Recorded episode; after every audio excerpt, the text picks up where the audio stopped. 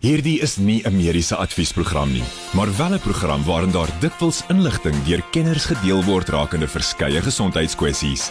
Vir persoonlike raad of advies, raadpleeg jou mediese dokter of sielkundige. Groot trauma op Groot FM 90.5.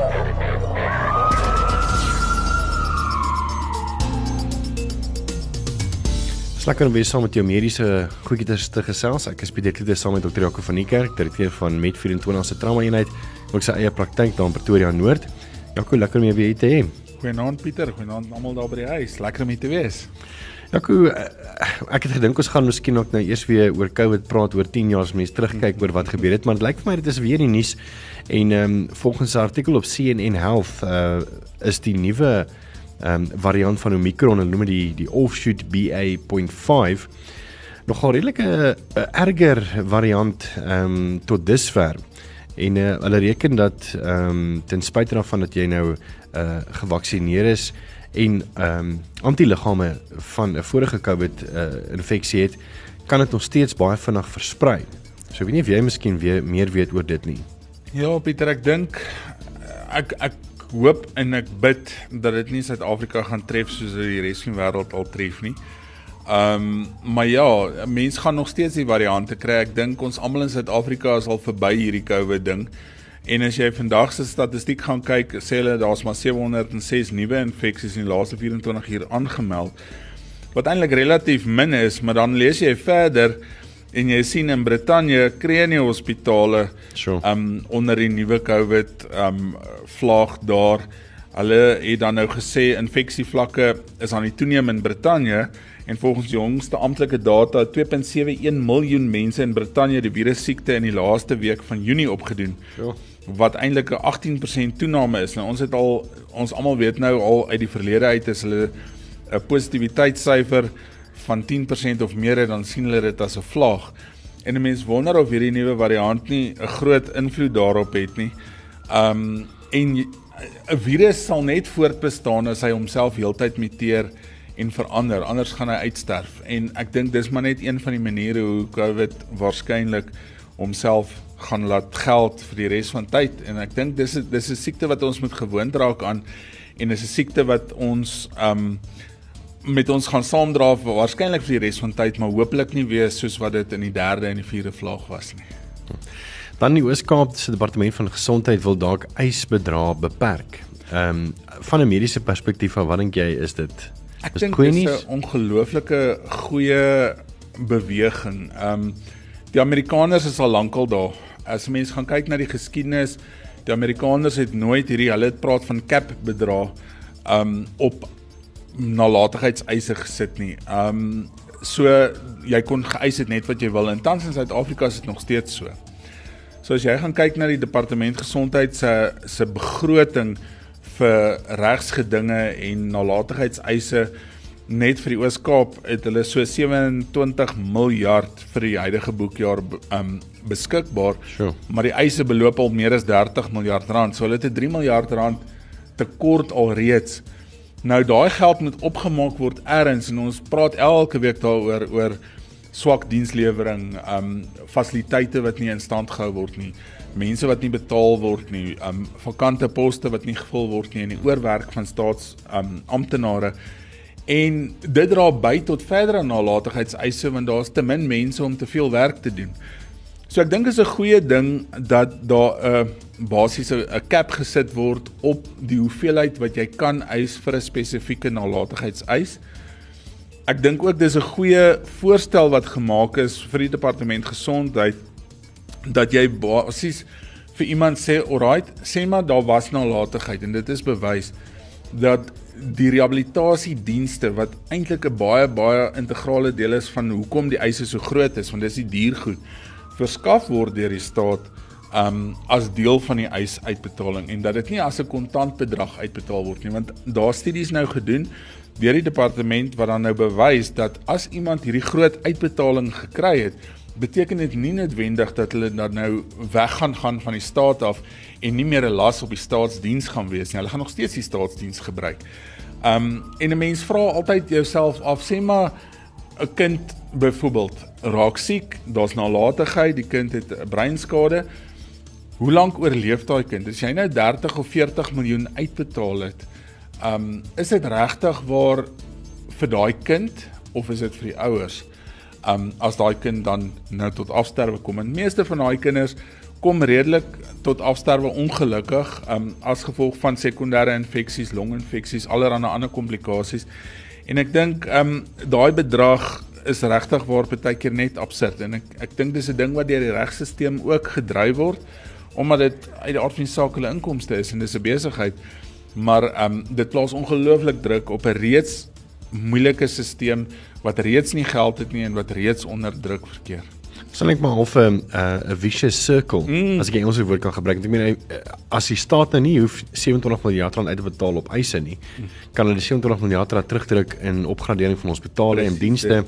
En dit gaan natuurlik beteken dat hulle dienslewering moontlik beter kan wees en toerusting beter wat minder eise gaan kos. So uh, ja. Ja, jy weet in en en self spesialistdienste, um ons het nou al gepraat ook, daar is 'n tekort aan spesialiste, daar's 'n tekort aan aan poste vir spesialiste in die staatssektor en daai mense gaan dan betaal kan word uit daai geld uit en dan gaan dan gaan die diens baie beter wees. Ons het nou weer terug en dan gaan ons 'n bietjie gesels oor die Menseregte Kommissie wat ek nou uh, oog hou op verbetering van hospitale in Gauteng. En ons 'n bietjie van 'n goeie nuus storie, Wallis se rappiespan verbly kinderharte in die Kaapse Hospitaal. Ons gesels 'n bietjie daaroor net hierna. Groot trauma met Pieter Kloete en dokter Jaco van die Kerk op Groot FM 90.5.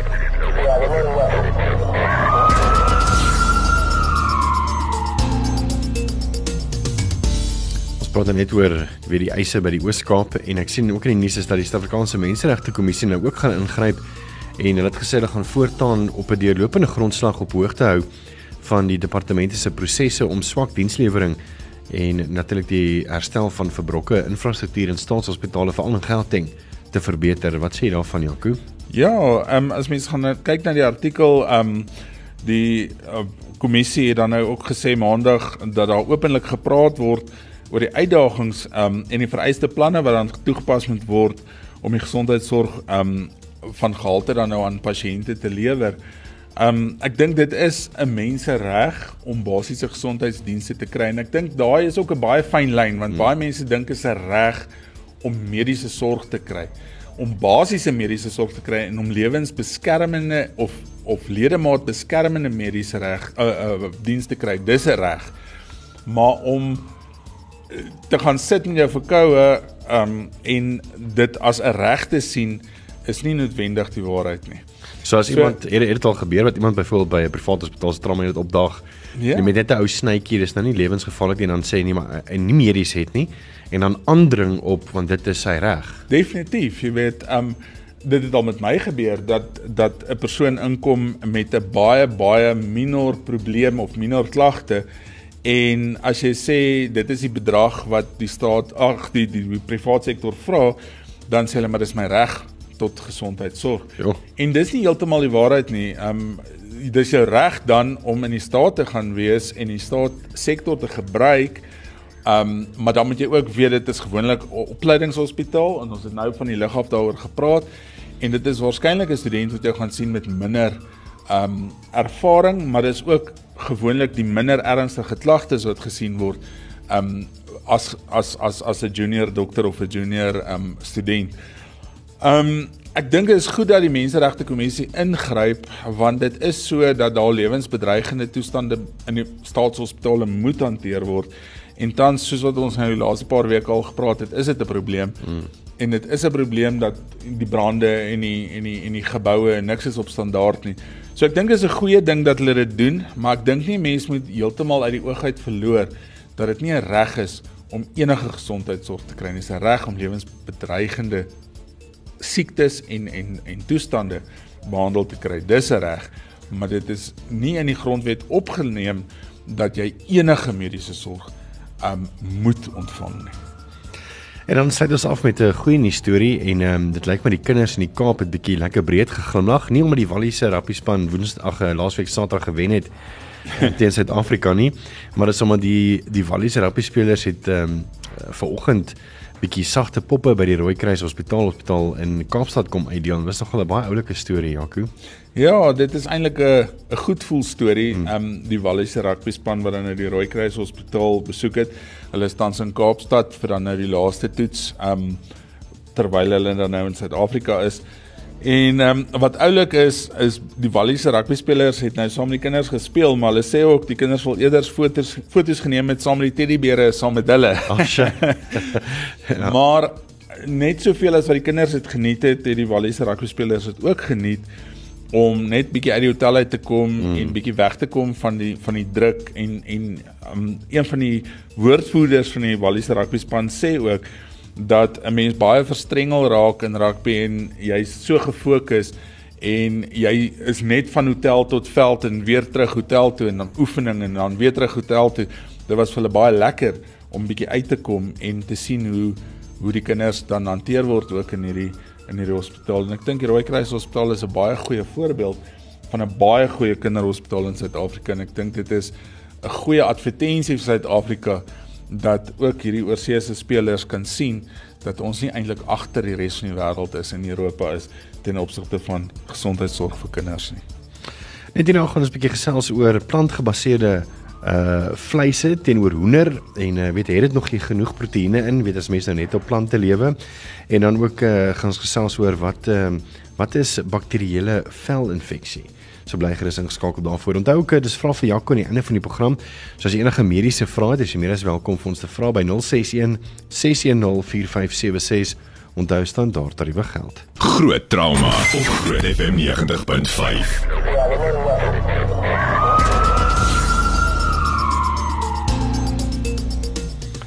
Partykeer dan dink mense weet as jy net 'n bakterie infeksie het, dit dis eintlik net iets wat oorgaan jy smeer 'n roompie en dan sit weg. Maar as ons het nou 'n bietjie van lig af gesels oor 'n finansiële onderwerp oor bakterieële infeksie en die verskille wat daar is en natuurlik ook virusse. En ek is totaal al verbaas en amper ek wil eintlik sê geskok dat 'n klein bakterie mense lewe kan neem binne ure. En ons gaan 'n bietjie daar gesels vanaand Jaco. Ja Pieter, um, ek dink as 'n mens dink aan velinfeksies, dan dink mense aan aan simpel goedjies, jy weet, soos hierdie pysietjies wat mense kry of so en dit dis nie ernstig nie, maar die vel moet 'n mens sien as die grootste orgaan in die liggaam. Um en sonder die vel is ons almal dood. Jy weet, die vel is daar om ons te beskerm, die vel is daar om die die die spiere toe te hou, die bloedvate te beskerm, die senuwees te beskerm. En die vel uit die aard van die saak is dan ook baie blootgestel, nie net aan sonlig nie, maar ook aan besering. So enige besering wat die integriteit van die vel beïnvloed het sy 'n operasie, het sy 'n skraap of wat ook al gee toegang tot bakterieë, virusse, parasiete om dan nou infeksie te veroorsaak. Um nou die meeste infeksies as 'n mens dan 'n normale um immuunstelsel het, is dan so tot so mate dat dat 'n mens se liggaam en jou eie immuunstelsel dit kan kan afweer, maar hier en daar kry mens mense wat diabetes is, mense wat se immuun onderdruk is, wat dan ehm um, baie sleg siek word. 'n Mens sukkel ook baie keer met spesifieke organismes. Ehm um, ek dink aan MRSA of methicillin resistant Staphylococcus aureus is is 'n mooi woord vir MRSA wat jy kan 'n gewone simpel infeksie kry, organisme wat in jou neus bly en vir jou velinfeksie gee en die antibiotika werk nie daarvoor nie en dan sit jy eintlik met 'n groot probleem. So velinfeksies kan wissel dan uit die aard van die saak van baie ligte infeksies tot aan lewensbedreigende infeksies. Um as mens gaan dink aan wat is 'n infeksie? Almal dink aan infeksie is is rooi en is warm en is geswel en is seer en dit dreineer. Ons het op universiteit die die mooi woorde van Tibor um of Timor, Rubor, Color en Dolor gebruik en en dis gaan eintlik basies oor temperatuur wat verhoog die rooiheid, die swelling en die pyn. En um, dit is altyd geassosieer met infeksie. Mens moet mens moet baie mooi gaan kyk ook dat jy nie net 'n enkel van daai simptome gebruik as die definisie van infeksie nie. Jy moet 'n kombinasie daarvan hê, anders kan jy dit ook nie infeksie noem nie.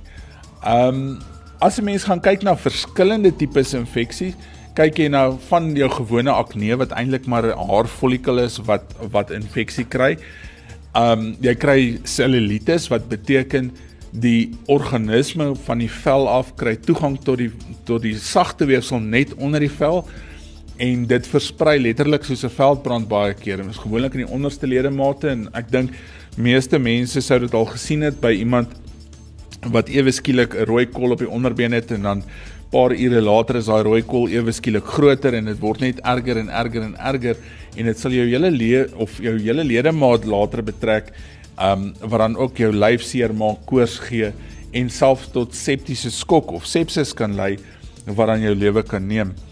Die slegste velinfeksie wat ek dink beskryf word is 'n ding wat ons nekrotiserende fasciitis noem. Nekrotiserende fasciitis is is word ook in die media baie keer beskryf as die vleisvretende bakterie. Um dis een van die gewoonlik organismes wat ons van die Clostridium groep, dis een spesifieke bakterieële infeksie en dit versprei letterlik by die uur. En dis die ding wat ons nou van die liggaam gepraat het ook wat mense binne ure kan kan kan doodmaak. Um dit begin gewoonlik as 'n as 'n as 'n klein letseltjie wat ewe skielik jy sien sommer elke uur wat jy wat jy na die letsel kyk, groei hy, dit word groter. En die enigste behandeling daarvan is eintlik om dit chirurgies te verwyder. Um en dit lei baie keer tot groot amputasies en en eintlik half verminkende operasies waar ledemate, geslagsorgane ensovoorts verwyder kan word um in 'n poging om 'n lewe te red. Ek dink my slegste een wat ek al gesien het was die persoon binne 6 ure vandat hy in die hospitaal gekom het oorlede. Um as gevolg van die feit dat hierdie organisme net so ongelooflik vinnig versprei. So mens moenie enige velinfeksie as as 'n matige ding sien jy moenie dit sien as enigiets wat wat jy kan jy weet vergeet van en dit sal net nou maar net beter word nie. Kyk tog daarna want dit kan vir jou in groot groot moeilikheid laat beland. Baie van die organismes leef op ons, ons meen ons velle is vol bakterieë. Baie van die organismes leef in ons neuse, iets soos Staphylococcus byvoorbeeld leef in baie mense se neuse. Ons sien baie keer hierdie jong kindertjies wat hierdie seertjies om die mond kry en om die neus. Dit lyk amper soos 'n 'n mengsel tussen 'n koorsblaar en hulle maak sulke korse om die mond en die neus wat impetigo genoem word, is eintlik 'n Staphylococcus gewone velorganisme wat daai wat daai wat daai infeksie veroorsaak. Maar daai ouetjie wat daai organisme dra kan vir 'n ander persoon dit aansteek en daai persoon kan sterf as gevolg van daai selfde organisme. Of daai selfde organisme kan in iemand wat 'n vervanging byvoorbeeld van 'n heup of 'n knie gehad het, kan veroorsaak dat daai heup of knie infeksie kry en daai persoon kan sy ledemaat verloor en sy protese verloor. So dis regtig nogal 'n 'n ding wat 'n mens regtig nie moet vergeet. Um en en en en um moet basies afskeep as dit jou tref nie. En ek meen jy het nou so 'n paar bakterieë genoem, daar's ook virusse, nê? Nee. Ja, daar's daar's baie virusse wat baie algemeen um gesien word. As jy gaan kyk na 'n normale 'n normale vraatjie op 'n op 'n vinger of op 'n op 'n toon of op 'n been, is ook eintlik 'n virus. Is is die Verrucai vulgaris virus wat eintlik 'n velinfeksie is. Mense kry baie keer hierdie dit lyk amper soos 'n klein blaasie met so harde knoppie en in die hmm. binnekant lyk of hy so induikingkie het op op jong kindertjies. Molluscum contagiosum is ook 'n virus. Um die simpel ding soos herpes simplex, koorsblare is is 'n virus. Um maar op die verkeerde plek kan herpes simplex ook vir jou um, vir jou breinaantasting gee. Mense kan hy herpes enkefalitis. So dis nie net 'n ding van vel nie, dit kan versprei van die vel na na vitale organe toe ook wat dan vir jou ernstige komplikasies kan gee. En is dit vir Jaco se mediese minuut. Praat nou oor velinfeksies en ek dink een van die goed wat baie mense dink is dat is 'n is 'n velletsel rooi is, het hy infeksie in. Of as jy seer gekry het en hy raak rooi, dan is dit nou infeksie en dit is nie altyd die waarheid nie. Inteendeel, die meeste gevalle is dit net die inflammasie respons van die lyf om homself te genees wat daai um rooiheid veroorsaak. So baie keer as jy 'n operasie gehad het of jy het ergens 'n moesie laat afbrand, dan gaan hy rooi randjie omkry. Daai is nie noodwendig infeksie nie. En 'n mens moet nooit dit verwar met infeksie nie. Infeksie is 'n hele kombinasie of 'n hele reeks van goeters wat bymekaar moet pas. Um daai rooiheid is net 'n inflammasierespons en is nodig vir die lyf om dit te hê, anders sal die lyf nie genees nie. Groot trauma met Pieter Kloete en dokter Jaco van die Kerk op Groot FM 90.5. Welkom terug. Ek en Jaco het net voor die breek bietjie gesels oor bakterieë uh, en veral as wanneer dit kom op bakterieë met die vel. Uh, ons het nou daarby gekom praat oor ehm um, weet behandeling en sulke goed nie Jaco. Ja, ek dink dit is belangrik om te besef dat bakterieële infeksies van die vel gewoonlik um, behandel word met spesifieke antibiotika. Mense dink altyd antibiotika is antibiotika, maar daar's verskillende klasse, verskillende groepe en spesifieke organismes reageer beter op spesifieke antibiotika groepe. Dis belangrik. Die tweede ding is 'n virus infeksie kan nie behandel word met 'n antibiotika nie. Um mense het antivirale middels nodig, maar mense moet onthou as jy 'n virale infeksie van die vel het, iets soos 'n gewone koorsblaar, gaan jy daai virus onderdruk, maar jy gaan nooit ontslaa raak van die virus nie. So die oomblik wat jou immuunstelsel weer onderdruk is of jy bietjie siekerig voel en daai virus heraktiveer, kan jy weer 'n infeksie kry. En dan die ander ding is jou swaminfeksies of jou fungale dermatitis, jou swaminfeksies van die vel word met spesifieke antiswammiddels behandel. So die een kan nie met die ander een behandel word nie en baie keer is daar 'n gemengde infeksie en dan kry mens by jou dokter meer as een middel, maar dit is die rede daarvoor.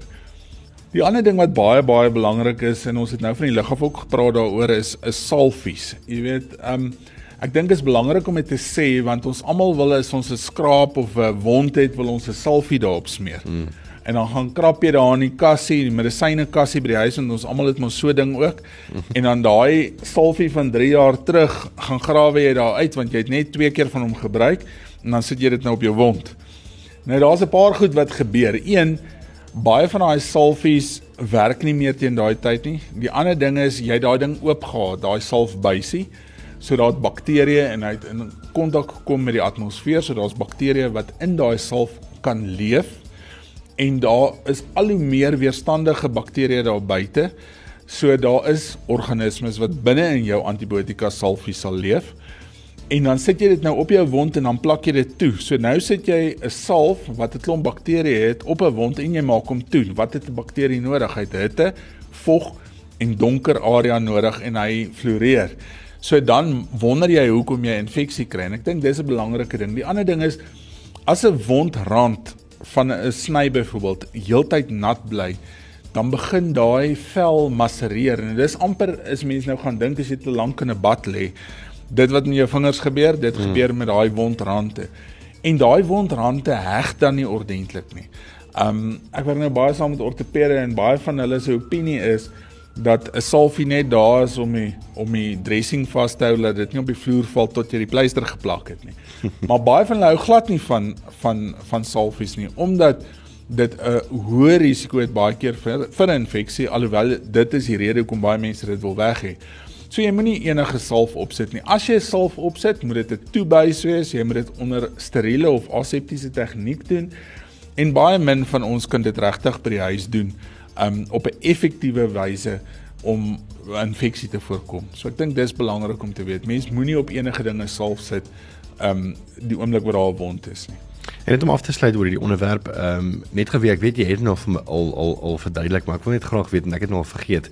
Hoe presies werk antibiotika wat hulle vir jou gee? Want baie keer dan dan gee hulle vir antibiotika sê hoorie so, uh, dan plak hulle ook sommer 'n stickertjie en dit sê jy moet dit klaarmaak, jy weet. Yeah. Ja. Byvoorbeeld ek meen as jy nou gaan en jy jy koop nou net vir jou 'n uh, uh, 'n sinuspilletjie of so iets dan hoef jy nou nie die hele pakkie op te drink nie. Jy kan net drink tot wat jy nou beter voel dan los jy dit. Ja. Yeah. Maar hoekom moet jy antibiotika die hele kursus klaarmaak? Byvoorbeeld 3 pille of 6 pille of 10 pille of wat wat ook al. Ek dink dit is belangrik om te sê antibiotika is daar eintlik twee groot maniere van hoe antibiotika werk. Ons sê antibiotika kan bakteriostaties wees of dit kan bakteriosidies wees. As 'n antibiotika bakteriostaties is, beteken dit dit onderdruk die hoeveelheid bakterieë of die lading van jou bakterieë of die hoeveelheid organismes per area oppervlakte tot so 'n mate dat jou eie immuunstelsel kan oorneem en die in die infeksie oorkom. Bakteriosidiese antibiotika maak fisies die organisme dood. Nou dit hang ook af van wat is jou konsentrasie van antibiotika. Ons het altyd gesê Ehm um, jy gaan langtermyn antibiotika gebruik, maar dit begin al hoe meer raak dat jy hoë konsentrasie in die bloed antibiotika moet hê vir 'n korter termyn om dan ook te voorkom dat bakterieë weerstandigheid opbou teen die antibiotika. Want bakterieë gesels met mekaar. Dis soos klein mannetjies wat daar met mekaar sit en gesels en sê daai dinge maak vir my seer so verander jy jouself en dan gaan jy jouself beskerm want anderster gaan bakterieë uitsterf. So bakterieë gesels kan ek amper sê met mekaar en bou weerstandigheid op teen antibiotika as jy dit nie optimale dosis gebruik nie en vir lank genoeg nie. Nou as 'n antibiotika gewoonlik 5-6 dae kursus is en jy gebruik hom net 3 dae, het jy al jou organismes se getalle begin onderdruk en 'n klomp van hulle is dood, maar hier en daar is daar nog eenetjie oor en dis die sterkes wat oorbly. En baie keer dan 2-3 weke later as jy weer siek en dan wonder jy is jy nou weer infeksie of is dit nou 'n 'n nuwe ding? Is daai ou ding wat eintlik net weer spoed gekry het, maar nou het daai organismes nou gewoond geraak aan jou antibiotika en nou werk daai antibiotika nie meer nie en jy moet 'n ander klas gebruik. Nou meeste van die antibiotikas werk is ag en daar's baie meganismes en daar's baie komplekse meganismes, maar baie keer is dit eintlik maar om die integriteit van die die omhulsel of die membraan om daai bakterie te vernietig of te beskadig tot so 'n mate dat die bakterie nie kan oorleef nie.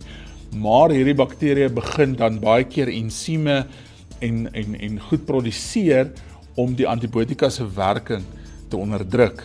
So mens moet jou antibiotika kursus voltooi en jy moet die dosis neem wat vir jou voorgeskryf is en baie van die antibiotikas veral kinders werk uit op milligram per kilogram per 24 uur en as jy minder as dit gee dan is dit subterapeuties of on, nie optimaal nie en jy maak weerstandigheid en as jy te veel gee kry jy net neeweffekte. So daar is 'n optimale dosis wat uitgewerk is en dis hoekom antibiotika baie keer duur is ook.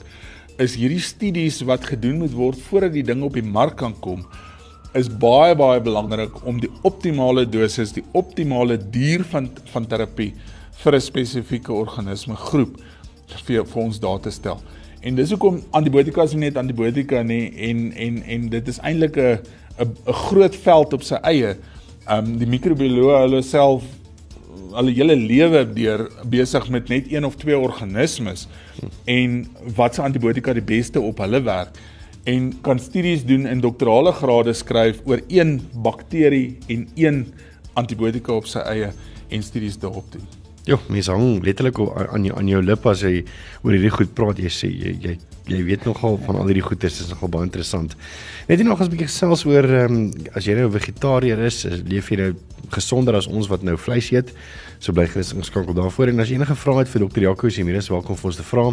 Ons WhatsApp nommer is 061 610 4576 onthou standaard tariewe geld. Met die volgende program bo Groot FM 90.5 om jou as luisteraar met die nodige inligting oor 'n spesifieke onderwerp te voorsien. Alhoewel hierdie inligting dikwels deur 'n kenner op die gebied gedeel word, word jy aangemoedig om jou mediese dokter of sielkundige te besoek vir persoonlike advies of raad. Groot trauma met Pieter Kloete en dokter Jaco van die Kerk op Groot FM 90.5. Dankie vir die vrae wat inkom. Ons gaan 'n bietjie kyk na julle vrae so binne die volgende 10 minute. Dankie daarvoor. Nou eers gou vinnig 'n baie interessante onderwerp en ons gaan nie baie lank daarby stil staan nie, maar dit gaan oor 'n artikel op um, op 'n News24 se gesondheidsafdeling wat sê dat plantgebaseerde vleis teenoor hoender, uh, daar is 'n bietjie meer proteïene wat geabsorbeer word deur ehm um, deur diereprodukte as wat jy nou hierdie plantgebaseerde vleis en hoender eet. Maar Dit bring my tot die vraag as ek meen eh, as jy nou 'n vegetariër is, is jy meer gesond as iemand soos ek wat nou hou van vleis, Jaco? Pieter, ek dink daai debat gaan vir ewig duur en ek dink die antwoord gaan niemand ooit kry nie, dan maar waarvan jy hou ook. Ehm um, dit is so dat die vegetariërs of die die vegans en die vegetariërs sê ehm um, dat dierprodukte vir jou 'n inflammasie respons gee in jou in jou stelsel of metabolies en met 'n verhoogde inflammatoriese respons sê hulle daar is 'n verhoogde risiko vir cholesterol wat verhoog kan word, ehm um, hoë bloeddruk, tipe 2 diabetes en dan uit die aard van die saak ook kankers. Maar aan die ander kant sê hulle dan hulle gebruik baie van die vegetariërs gebruik plantaardige olies. Nou is dit regtig so gesond as wat dit moet wees en dit is waar die debat ook vandaan kom. Um baie mense sê byvoorbeeld olyfolie is gesond, maar is dit gesond ten opsigte van wat? Ten opsigte van avokadoolie of druiwepitolie of um baie van die margarine wat ons gebruik is plantaardig. Mm. En is dit nie ook ongesond in terme van cholesterol en diabetes en hipertensie nie? So ek dink daai debat gaan vir ewig aangaan en ek dink nie daar gaan iemand ooit 'n 'n klinkklare antwoord kry nie. Die vegetariërs sal ook vir jou sê mense wat wat dierprodukte eet, ehm um, doen dit meer vir die smaak as vir die nutrisionele waarde daaraan. Maar aan die ander kant mense wat vegetariërs is, gaan 'n Vitamiin B12 tekort ontwikkel. So nou gaan jy 'n kunsmatige vitamien wat in op die toon of of in 'n bottel voorkom, gaan jy drink eerder as om die natuurlike dierprodukte eet. Ek dink ook dit is baie keer makliker om dierprodukte af te breek en ek meen 'n proteïen bestaan uit aminosure en aminosure is maar die die komponent wat jy absorbeer. Um baie keer is dierprodukte makliker om te om om te verteer as plantaardige produkte en dis hoekom baie keer sê hulle dan nou ook en dis wat die studie dan nou sê is dat jou proteïenopname is bietjie beter met dierprodukte as met vegetariese produkte en plantaardige produkte. Ek dink nie die een troef die ander een nie en ek dink nie ehm um, die een is meer gesond as die ander een. Ek dink daar's voor en nadele van beide. Ek wonder net altyd in in ek is nie 'n vegetariër nie en mense kan dit seker aan my lyf ook sien. nee, maar maar as mens dink aan spierbou, as jy dink aan ehm um, vitamintekorte, dan is dierprodukte tog nodig. En ek dink daar's 'n rede hoekom ons ehm um, diere het ook om te eet. En die ander ding is baie van die vegetariërs gaan nog of uh, van die groepe onder hulle, daar's mos subafdelings ook sal nog eier eet, maar wat se eier anders as 'n stukkie vleis, jy weet. Hmm. Selfe tipe proteïen is 'n dieragtige produk. Ehm um, baie van hulle sal melk gebruik. Ehm um, nie almal nie, soos ek sê daar's subklasse. Maar wat is dit anders as om as om ander dierprodukte te gebruik? So ek dink daar's definitief um voordeel aan beide, maar ek dink tog mense het iets van alles nodig en dis hoekom die liewe Vader waarskynlik vir ons al die voedselgroepe gegee het mm. om almal te gebruik. En nie noodwendig in oormaat nie, maar in gesonde hoeveelhede. Hoor hoor. Nou is dit tyd vir vrae vir Jaco en dankie vir julle vrae wat julle gestuur het. Ek wil tog net 'n shout-out stuur vir Tannie Frida Pretoria wat altyd uh, lekker saam luister en uh, sy sê groete vir ons almal. Dan 'n vraag uh, wat net vanaand loer wie is dit uh, wat Niels gestuur het. Hy sê net 'n vraag gehoor van dokters uh, of doktersvriend dat ons antibiotika outdated is en dat baie mense al weerstandigheid opgebou het met ander woorde dat dit nie meer so effektief is nie. Ja, dis dis eintlik waar. Ek sal nie sê dis outdated nie. Ek dink die die groot ding is onthou almal beweeg na die natuurlike produkte markte toe en die homopatiese middels. Maar antibiotika is eintlik ook 'n natuurlike produk en ek dink baie mense vers, verstaan dit nie heeltemal nie en en dink nie so daaraan nie omdat hulle dit in 'n botteltjie kry in 'n kapsule en omdat dit so beheerd is en omdat dit gebind is aan draermolekules. Maar antibiotika in die natuur is is eintlik natuurlike produkte. En daar is net soveel groepe antibiotika. Ek meen ons kyk na die penicilline, die cefalosporine, quinolone en makrolide en anti-ontrent al die antibiotikas groepe wat daar wat daar is. Dan hier en daar is dan dan nou 'n 'n baie skaars tipe antibiotika. Maar ons antibiotikas gaan nie meer word nie. Ons klasse gaan nie meer word nie. Ons kan kombinasies gee en dit is wat ons kan gebruik en dis hoekom die die Engelse term is so mooi antibiotic stewardship. Ons almal moet antibiotika gebruik soos nodig, wanneer nodig en net as dit regtig nodig is en ons moet 'n toepaslike antibiotika gebruik. Dan gaan dit nog werk. Maar dit is so dat antibiotika oorgebruik is tans in ons samelewing en dit wat ons die meeste gebruik is dit so dat die organismes meer weerstandigheid opbou en dit maak dat die effektiwiteit van antibiotika nie meer werk nie. Ons sien baie keer jou ou antibiotikas wat ons al amper van vergeet het, nou weer op die jy weet op die, op die voorgrond tree en dit werk nou weer want die antibiotika die organismes is nie meer gewoond daaraan nie hmm. en dit nie meer blootstelling daaraan nie en en daai goed werk weer.